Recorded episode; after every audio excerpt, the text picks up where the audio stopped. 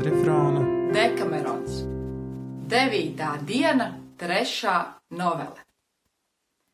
Maestro Simone, paklausot Bruno, Bufalmako un Nello lūgumam, iestāsta Kalandrīno, ka viņš esot uz grūtām kājām.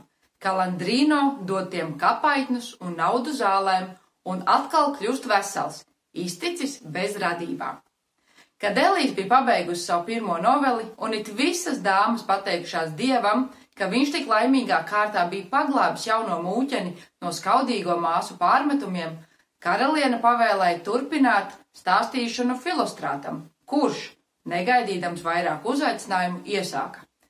Visdaļās dāmas, neaptēstais tiene, tiesnesis no Markes, par kuru es jums vakar stāstīju, man izrāva no mutes kādu noveli par Kalandrīno, ko es tobrīd jau gribēju iesākt.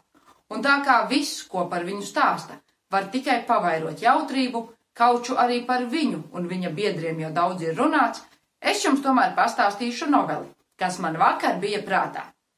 Iepriekš jau pietiekami skaidri tika parādīts, kas bija Kalandrīno un citi, par kuriem man šajā novelē jāstāsta. Un tāpēc, neielaižoties garākās runās, es jums teikšu, kad gadījās tā, ka nomira kāda kalandrīno radiniece un atstāja viņam 200 liru skaidrā sīknaudā. Tāpēc Kalandrīno visur sāka stāstīt, ka gribot pirkt īpašumu, un uzsāka sarunas ar visiem vidutājiem, cik vien to Florencē bija. It kā viņam būtu ko izdot desmit tūkstoši zelta floriņu. Taču veikals vienmēr izjuka, tik līdz nonāca līdz pieprasītā īpašuma cenai.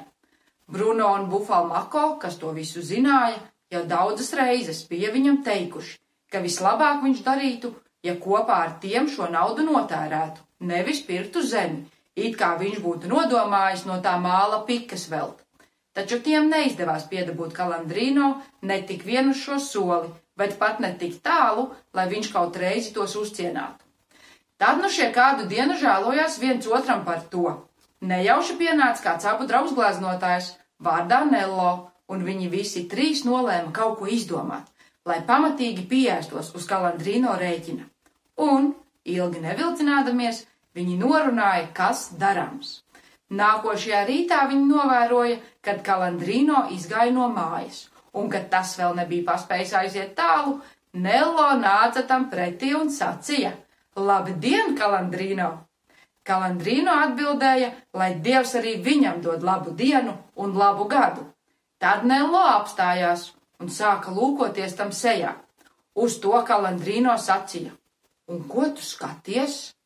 Un Nello tam atteica: Vai tev šonakt nekas nav gadījies? Tu man izliecies tāds dīvains. Kalandrīno tūdaļ sāk uztraukties un sacīja: Vai manu, kā tev šķiet, kas tad ir ar mani? Nello sacīja: Ai, es jau neko nesaku, tomēr tu man izliecies pavisam savāds, bet varbūt tas ir no kaut kā cita. Un viņš ļāva tam iet, Kalandrīno pagalam iztrūcies, lai gan neko nejuta, gāja tālāk. Taču Bufalmako, kas atradās tepat tuvumā, redzēdams viņu izšķiramies ar Nello, gāja viņam pretim, sveicināja viņu un jautāja, vai viņš neko nejūtot. Kalandrīno atbildēja: Es nesaprotu. Nu pat arī Nello sacīja, ka es viņam izliekoties gluži pārmainījies. Vai tas tā varētu būt, ka man kaut kas skaitētu? Bufalmako sacīja: Nu, protams, tev kaut kas skait, un ne jau pa jokam. Tu man izliecies drīzāk miris nekā dzīvs. Kalandrīno šķita, ka viņu jau krata drudzis, un te pienāca arī dzen Bruno, un pirms tam teica, kaut ko citu, izsaucās. Kalandrīno, kāda ir tava seja? Tu jau izskaties kā mironis. Kā tu jūties? Kalandrīno, dzirdēdams, ka visi trīs runā vienu un to pašu, bija pilnīgi pārliecināts, ka ir slims un pavisam izbijies jautāja. Ko man darīt? Bruno sacīja, man šķiet, tev jādodas uz māju, jāguļas gultā, jāliek sevi labi apsekt un jāizsūta savus urīns maestro Simonem, kas mums ir itin labs draugs, kā tev zināms.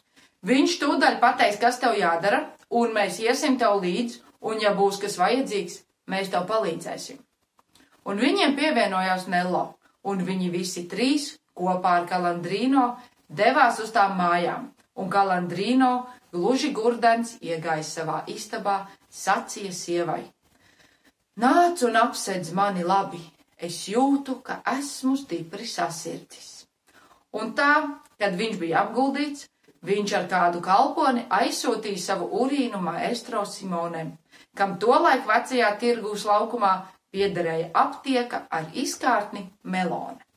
Un Bruno sacīja biedriem: Jūs palieciet šeit pie viņa, un es iešu uzzināt, ko saka ārsts, un ja būs vajadzīgs, atvedīšu to šurp.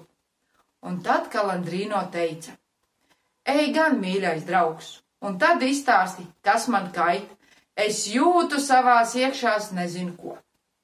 Bruno nonāca pie maestro Simones ātrāk par kalponi, kas nes urīnu, un izstāstīja maestro Simonem visu notikumu, un tāpēc, kad atnāca kalpone, maestro apskatīs urīnu, tai sacīja. Ej, un pasaki Kalandrīno, lai viņš tur sevi ļoti silti, un es tūdaļ aiziešu pie viņa un pateikšu, kas viņam vainas, kā arī to, kas viņam būtu jādara. Kalponi tā arī pateica. Nepagāja ilgs laiks, kad atnāca maestro un Bruno un ārsts, nosēdies blakus slimajam, sāka taustīt pulsu, un tad pēc maza brītiņa viņš sacīja sievai klātesot. Redzi, Kalandrīno, ja runāju ar tevi pa draugam, man tev jāsaka, ka tev nav nekādas citas kaitas, kā vienīgi tā, ka tu esi uz grūtām kājām. Kad Kalandrīno to izdzirda, viņš sāka žēli vaimanāt un teikt: Vai manu tēsa, tu to man esi nodarījusi? Tu allaž grib atrasties virsū un ne citādi. Es jau gan tev to teicu. Sieva visai kautrīga pēc dabas. Dzirdēdama vīru tā runājam, visa piesarka no kauna un nodūrusi acis, nebilstot ne vārda, izgāja no istabas. Kalandrino, nemitēdamies vaimanāt, sacīja. Ak, es nelaimīgais, ko es darīšu? Kā es laidīšu pasaulē šo bērnu? Pa kurieni tas tiks laukā?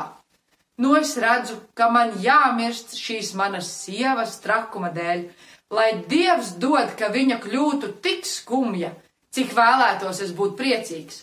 Ja es būtu tik vesels, kāds es nesmu, es pieceltos un tā viņai sadotu, pataisītu viņu mīkstu, lai gan es to esmu pelnījis, jo man nevajadzēja pieļaut, ka viņa gulstas virsū.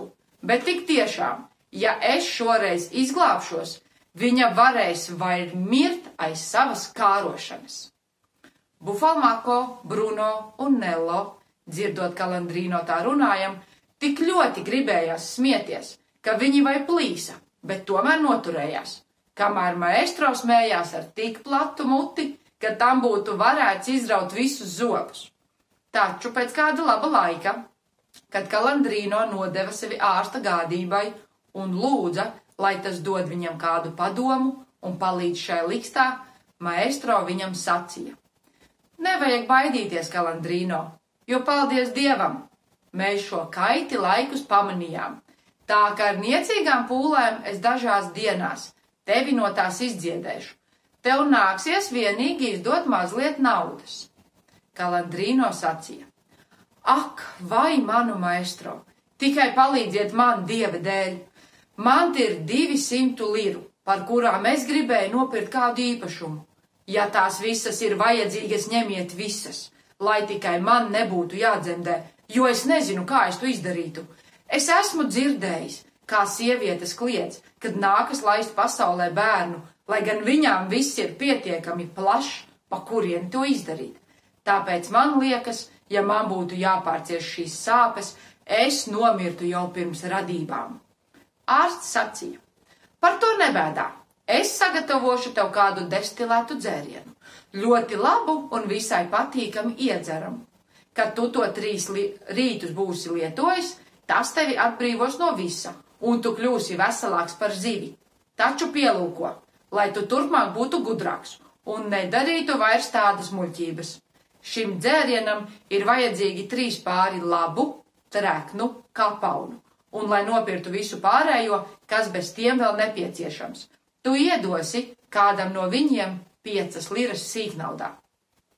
Un liec to visu atnest uz manu aptieku, un es ar dievpalīgu tev rīt no rīta aizsūtīšu šo destilēto dzērienu, un tu sāksi to dzert pa vienam kausam vienā reizē. Kad Kalandrīno to dzirdēja, viņš teica: Mans mīļais mestro, es paļaujos uz jums, un iedevis Bruno piecas liras, kā arī naudu trim pāriem kapaunu, viņš palūdza, lai tas papūlas visu nokārtot viņa labā. Ārsts aizgājis no viņa, lika pagatavot mazliet smaržīga cukurūdens un aizsūtīja viņam to. Bruno nopircis kapa, kapaunus un citu nepieciešamo dzīrēm, kopā ar ārstu un saviem biedriem to visu notiesāja. Kalandrīno trīs rītus dzēra saldo ūdeni, un tad ārsts un viņa draugi atnāca pie viņa, un ārsts pataustījis pulsu sacīja. Kalandrīno, tu esi pilnīgi izdziedēts, un vari jau šodien iet savā darbā, un tāpēc tev vairāk nav ko palikt mājās. Kalandrīno priecīgs piecēlās un aizgāja kārtot savas darīšanas, bezgala slavādams it visiem, ar ko vien tam nācās runāt, maestro Simonas jauno jauko ārstēšanu, kurš trīs dienās to bez mazākajām sāpēm bija atbrīvojis no miesas augļa. Un Bruno, Bufalmako un Nello bija apmierināti, ka tik viltīgi pratuši pazoboties par kalandrīnos kopumu, bet Monna Tesa, nojautusi šo viltību, vēl ilgi staigāja sapīkusi un ķīvējās par to ar savu vīru.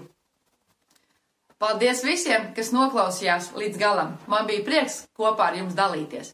Mani sauc Katrīna, un es jau sen domāju, ka ir laiks izlasīt Dekameronu. Paldies, ka man bija iespēja to darīt kopā ar citiem lasītājiem un klausītājiem. Un redz, kā ironiski ir sanācis. Lielā distancēšanās mūs ir savadusi vēl ciešāk kopā. Paldies, ka klausījies! Atā!